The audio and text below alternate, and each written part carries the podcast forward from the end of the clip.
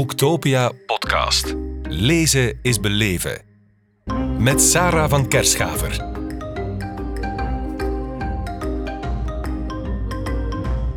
Hulst, welkom in onze podcast op Boektopia in Kortrijk. Dankjewel. Ja, welkom. Wat een geweldig uiveren ben je bij elkaar aan het schrijven. Je tiende boek nu, de Mitsukoshi Troost Baby Company. Je dacht, ik geef er een lap op. Een, uh, een titel die je echt wel even moet van buiten blokken. En 600 pagina's, hupsakee, hup.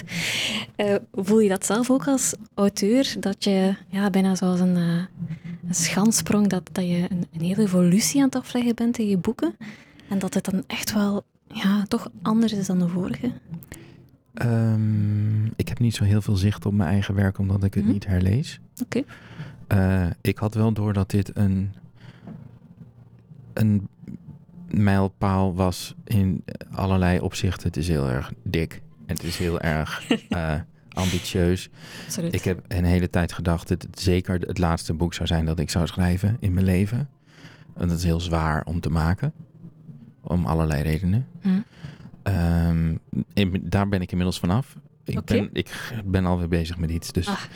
Oké. Ehm, maar eh, het- je moet mij eigenlijk een, oor, een oordeel over het- het- dit boek en de plaat in mijn oeuvre kun je me over eh, een paar jaar vragen. Mhm. Misschien dat ik het dan met afstand heb kunnen ik. bekijken. Snap ik. Ja, het is genomineerd voor de Librisprijs. Uh, dat dat het wel een beetje deugd doet.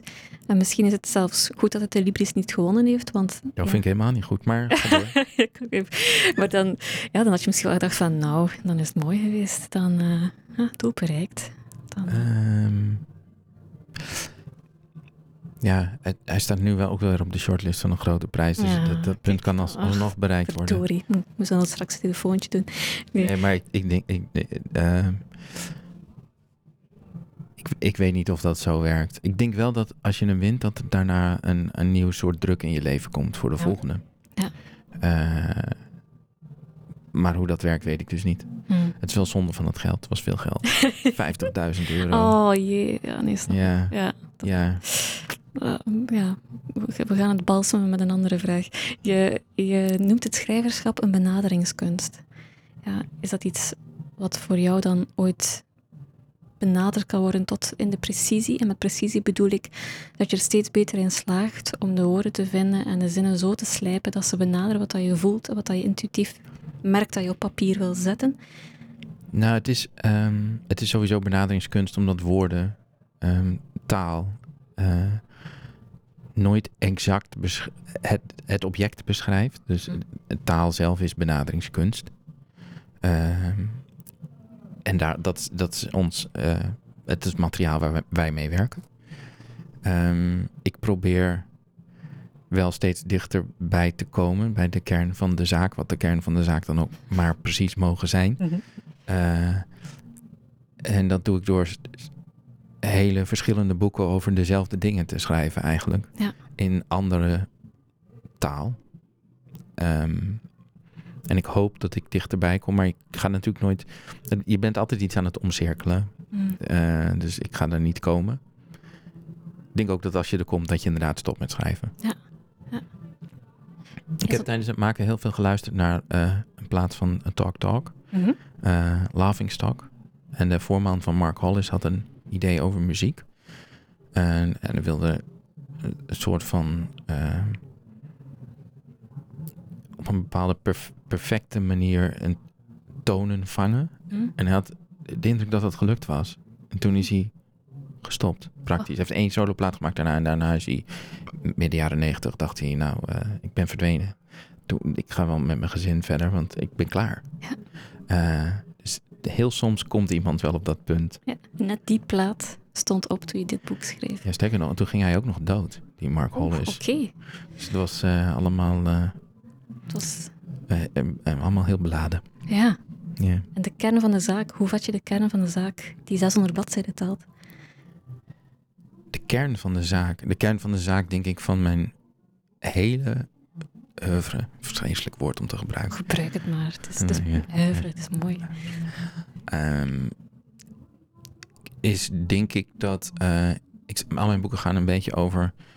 ehm, buitenstaanders die uit, eh, uit een moeilijke situatie komen en een weg proberen te vinden in een wereld die niet helemaal past bij hoe ze gebakken zijn. Mhm. Ehm, en de gevolgen van dat buitenstaanderschap op, eh, voor allerlei dingen. Voor intermenselijke menselijke- menselijke relaties. En in dit geval ook voor ehm, liefde en ouderschap. Eh, want dat is natuurlijk waar dat boek uiteindelijk over gaat. Het gaat over liefde en ouderschap, maar het gaat ook over eh, verlies. En over hoe, eh, de wijze waarop oud verlies, nieuw verlies eh, uitvergroot. Mhm. Dit klinkt allemaal heel abstract. In het, in het bestek van dit korte gesprek wordt het ook heel erg lastig om dit hele dikke boek te gaan Dat is ook minder zo. abstract te gaan duiden. Het is ook zo. Ja. Het is, een, het, is een, het is een prachtig boek. Het is prikkelend. Het is met een, een raamvertelling. Het is ja, eh, het, hoofdpersonage Auke van der Hulst. Hè. Is niet toevallig. eh ik benadert heel dicht Auke Hulst. Ja, maar net niet, hè? Het Net niet, hè? benaderingskunst. Nee, nee Ja. absoluut. Hè? Nee, exact. Ehm, want als je dan bijvoorbeeld je naam opzoekt, hè, Auke, prachtige naam, dat is dan een, eh, een Friese jongensnaam blijkbaar en afgeleid van de naam Ouwe. Betekenis gokt men op verheven, eerwaardig. Ehm, maar in je boek, effectief, in je je gaat het zo vaak over levensangst, over verdriet, zelfhaat. Jij lijkt je naam niet te voelen. Kan dat? Ehm, dan moet ik zeggen dat ik ook pas zeer recent erachter ben gekomen dat dat is wat de naam betekent. Ah, echt? Sterker nog, ik ben er pas eh, eh, toen ik jong was en die naam droeg, Auke, Friese naam. Hm. Maar ik ben opgegroeid in Groningen. Groningen en Friesland. Oei. Eh, ja, dat, die, die, dit, dat, dat mag elkaar niet, echt. Hm. Dus dan woon je in Groningen met een Friese naam. Dat is wel een probleem. maar er is ook dan verder niemand die Auke heet. Nee. Dus je denkt ook dat je, eh, Een verzinsel bent. nou, wel een beetje gestraft. Mhm. Ik hield niet echt van mijn naam. Eh, beneden de rivieren denken ze sowieso dat het een meisjesnaam is. Ah ja. Dus je wordt ook gepest met die naam. Ach, ook dat nog. Ook dat nog. Maar ik heb het toch, ik heb hem toch maar gehouden. Eh, ja, want het is wel mijn naam. Dus, eh, maar ik heb wel een ingewikkelde relatie met mijn naam. En blijkbaar ook met eh, die naam eer aan doen. Ja. Ehm, ja, de, de dochter in het boek, hè, dochter Scotty, ehm, die is genaamd naar de dochter van F. Scott Fitzgerald. ja. Waarom dan precies? F. Scott Fitzgerald en zijn vrouw Zelda Fitzgerald ehm, waren getalenteerde, levenslustige mensen, maar ook hele problematische mensen eh, die eh, zeer ongeschikt waren om ouder te zijn. En eh, Scotty is een beetje een held van mij omdat zij. Scotty werd dan. De, Zelda zat op een zeker moment heel vaak in sanatoria en in, in, in psychiatrische inrichtingen. En eh, Scott was heel vaak heel erg dronken en kon eigenlijk ook niet echt goed de opvoeding van Scotty doen. En Scotty werd altijd maar erg overal geparkeerd. Dan weer eens bij de agent van eh, Fitzgerald, dan weer eens daar. Eh, en er werd echt wel een beetje met haar gesold. Ze heeft dus een hele onveilige jeugd gehad, maar is toch uiteindelijk uitgegroeid tot een heel st- sterk en indrukwekkend persoon als volwassene. En ik kom zelf uit een moeilijke achtergrond. Eh, ik, ik zie haar wel een beetje als een voorbeeld. Of, Oh. eh, van, van hoe je eh, toch ehm, een functioneel mens kan worden. Ondanks dat je ouders er echt een complete bende van maken. Ja. Het is wel mooi dat je dan een vrouw als rolmodel hebt gekozen. Meestal kies je voor degene waar je je herkent. En dat is dan iemand van hetzelfde geslacht. Maar dat hoeft ja, dus niet. Ik was, het niet eens, ik was me er niet eens zo heel erg bewust van. Hm? Dat ik die gevoelens had over eh Scotty Fitzgerald. Francis Scott, zoals hij eigenlijk heet. Hm. Ze eigenlijk heet. Eh, totdat ik bij het graf van F. Scott Fitzgerald was. Ik, ik ga vaak naar graven van helden eh, die dan van me. En ik wilde naar het graf van F. Scott Fitzgerald. Fantastische schrijver. Onmogelijk mens. Hij ligt begraven in Rockville, Maryland. En ehm, nou, ik vond zijn graf, klein kerkhof daar. Eh Zelda lag erbij. Maar wat ik me niet, waar ik me niet eh, van bewust was toen ik daarheen ging, was dat eh, Scotty aan hun voeten ligt. Maar, wauw. Ja, het greep me ontzettend aan. Ja, dat komt eigenlijk nooit, maar toch zelden voor. Dat, Ja, dat heeft ze dus zelf, want zij is veel later overleden, daar heeft ze zelf voor gekozen. Ja. En daar zit ook enorme vergeving in. Ja. Eh, en liefde. Ik vond het heel mooi. Denk je daar dan zelf aan? aan... Nee. Nee. Maar niet uit, uit gebrek aan vergeving of. eh, ehm, meer eigenlijk, mijn vader, mijn vader is heel jong overleden en die ligt op een eh, begraafplaats in, in het. Ik ben opgegroeid in een klein buurtschap dat Denemarken heet en het dorp daarnaast heet Slochteren. Is Groningen, aardbevingsgebied. Mhm. En mijn vader ligt eh, op de begraafplaats van het Slochteren. En eh, ja, ik wil niet op die begraafplaats liggen. Nee. Sowieso wil ik trouwens heel graag niet op een begraafplaats liggen. Want de dood, eh, ik ben er nog helemaal niet aan toe. Oké, dat is goed. Dus Nee, want ik heb gehoord dat je getrouwd bent of gaat trouwen. Ik weet de status ik ben, niet. eh, eh, ik ben, in, eh, gebeurd? ik ben in april Ah, getrouwd. het is gebeurd. Fantastisch. Met, met, eh, met fantastische vrouw. Geweldig. Dat is een voorwaarde, ja. Dank Nou, er zijn ook heel veel mensen getrouwd met niet fantastische Dat vrouwen. Dus eh, ja, ik weet niet. eh, ik, ik, heb, eh, eh, ik heb gekozen voor een fantastische vrouw. Of beter, zij heeft voor mij gekozen. Ja. Je kunt nog zoveel willen. Ehm, Heb je het gedurfd? Ik heb het gedurfd, ja, dat was. Maar dan moet ik wel zeggen, dat maakt dus ook wel erg makkelijk. Want ja, kiezen voor geluk, denk in jouw geval eh, dat dat geen evi- evidentie is. Nee, maar, nee, maar ik- dat, ben, dat ben ik me heel erg bewust van. Dat het ook een bewijs is van een ontwikkeling. Hm. Een, die ik heb doorgemaakt. Ehm, maar het is ook toch ook de persoon in kwestie die maakt dat uh, je het gevoel hebt, bij jou kan ik um, ook met al mijn gebreken bestaan. Mm. In plaats van dat het, al die gebreken gerepareerd moeten gaan worden. En dat het een soort van. Uh, ja, die situatie ken ik ook. Ja. Uh, dus ja, en dat, nee, dat neemt ontzettend veel druk weg. Dat snap ik. En hoe kijk je dan naar de Mitsukoshi Troostbaby Company? Omdat ja, op zich is het ontstaan ook um, in een periode waar je zelf uh, een relatiebreuk achter de rug had. Er is ook heel veel gebeurd. Er is ook een, er zit een stuk verwerking in. Um, is het, enerzijds voel ik heel veel trots bij jou over het boek, maar anderzijds voelt het soms niet aan als een oud lief of een oude relatie. Um, er zitten best wel veel. Het, is, het, is, het komt voort uit een uh, autobiografisch gegeven. Uh, ik moet er misschien iets over zeggen. Ja, je moet er iets over zeggen. Dat is waar. Um, het is, een, het is in zekere zin een science fiction roman, speelt in 2032, gaat over de, de eerder genoemde Auke van der Hulst, die ooit een uh, hele uh, vurige, doch um, problematische relatie had met een vrouw. Ze heet in het boek Mila.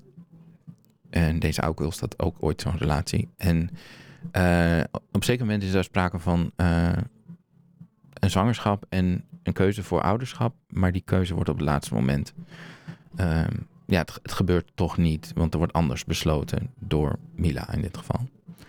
Uh, en, maar dat is best wel lang geleden dat dat in mijn leven is gebeurd. Mm. Ik heb er alleen wel heel erg lang last van gehad. Hoewel ik het uh, een politiek en moreel volkomen legitieme keuze vind. Mm. En dat maakt het ook lastig om erover te schrijven, want je wil, daar wil ik heel duidelijk over zijn. Uh, ik 100% pro, uh, uh, pro-abortus zelfbeschikkingsrecht Mhm. mm -hmm. ben. Al die dingen. En dat je er toch heel veel verdriet van kan hebben. Mm. En dat verdriet en ook vooral de, de bijna onredelijke diepte en duur van dat verdriet wilde ik onderzoeken, want ik had daar erg wel last van. Mm -hmm. uh, en op zeker moment, na heel veel, heel veel jaren, was ik op het punt dat ik het kon gaan onderzoeken. In eerste instantie zit je er gewoon te dicht op. En dan kom je op dingen als hoe, uh, hoe dat nieuwe verdriet eigenlijk ook weer een echo is van oud verdriet. En uh, dat, je, dat je reacties op situaties zo ontzettend gekleurd worden door al die bagage die je meedraagt. En ja, wat was je vraag eigenlijk? ik geef een heel lang antwoord, waardoor ik nu de vraag ben vergeten. Ik ben ik zelf te twijfelen. Ah ja, ja. Of het niet voelt als een, soms als een, een oud lief dat je op dit moment um, vol trots voorstelt, terwijl je eigenlijk gekozen hebt voor het geluk dat zich heeft aangediend in een bijna nieuw leven. Nou, ik was al aan het schrijven toen ik mijn eh, huidige vrouw leerde kennen. Zij is heel. ehm, zij schrijft zelf en begrijpt heel goed hoe schrijven werkt. dat is fijn. Het helpt. Ze heeft ook. eh, meestal laat ik niemand iets lezen voordat iets af is, maar zij heeft wel stukken gelezen. En eh, ik dacht, nou, dat is wat tricky, want eh, het gaat ook over een eerdere vrouw en er zit ook best wel veel seks in en zo. En, Ja, lastig. Dus of voelt dat toch een beetje als een soort literair overspel op dat moment? Of... ja, maar zij vatte dat heel goed op. En dat, dat was heel fijn. Ehm, het is wel raar om in gedachten. Want je bent natuurlijk dag, dag in dag uit met dat boek bezig. Dat boek heeft heel veel van me gevraagd, drie jaar lang, heel hard aan gewerkt. Maar je bent dus, je leeft tegelijk in twee werelden. En dat is de, Mm. je, je, je dagelijks bestaan en de wereld van een boek. En in de wereld van een boek leef je ook in het verleden. Als, je, als dat je bronmateriaal is. Dat is zo. Eh, dus in die zin is het wel ehm, een beetje dat wat jij net aanstipte. Zoals de, de muzikant die dan toch zijn vorige uiver of zijn, ja, uit het verleden toch nog speelt. En eh, op het moment dat hij misschien al denkt... van, Nee, ik zal je iets grappigs vertellen. Ik maak, dus, ik maak dus ook muziek, ik schrijf liedjes. Ja. En ik schrijf ook altijd liedjes voor mijn geliefde van het moment. mhm. Dus ik heb, eh, op de bruiloft heb ik een, een liedje gespeeld voor mijn vrouw. Maar het favoriete liedje uit mijn oeuvre van mijn, mijn vrouw vindt, vindt het mooiste liedje dat ik heb geschreven. Een liedje dat ik heb geschreven voor de vrouw voor haar. Ja. Maar die vrouw voor haar vond het mooiste liedje dat ik heb geschreven een liedje over de vrouw voor haar. en de vrouw voor haar, Dat is wel van heel voor, voor, voor. Ja, Dat is heel ik wou toch graag dat ze meer hielden van de liedjes die ik voor hen had geschreven, maar dat, dat gebeurt niet. Ja, het is misschien eh, soort gesublimeerd verlangen naar de vrouw die je toen al had willen zijn voor jou, toen dat je het schreef. Misschien is het Misschien is het ook een beetje angst om niet ehm, de belangrijkste te zijn. Ah, En dan dat je dan zo'n liedje ziet als, zie, maar zij heeft een mooier liedje. Ja, snap ik. Maar dat is natuurlijk helemaal niet waar. Elke gast, ik zou doodgraag met jou nog verder praten, maar we, zoals we al zeiden, het is eh, lastig praten over een boek van 600 prachtige bladzijden in een podcast van 15 minuten. Dus ik ga jou hier bedanken om hier te zijn en te spreken. Boektopia podcast. Lezen is beleven. Beluister ook de andere podcasts live opgenomen op Boektopia 2022. Nu via je favoriete podcast-app.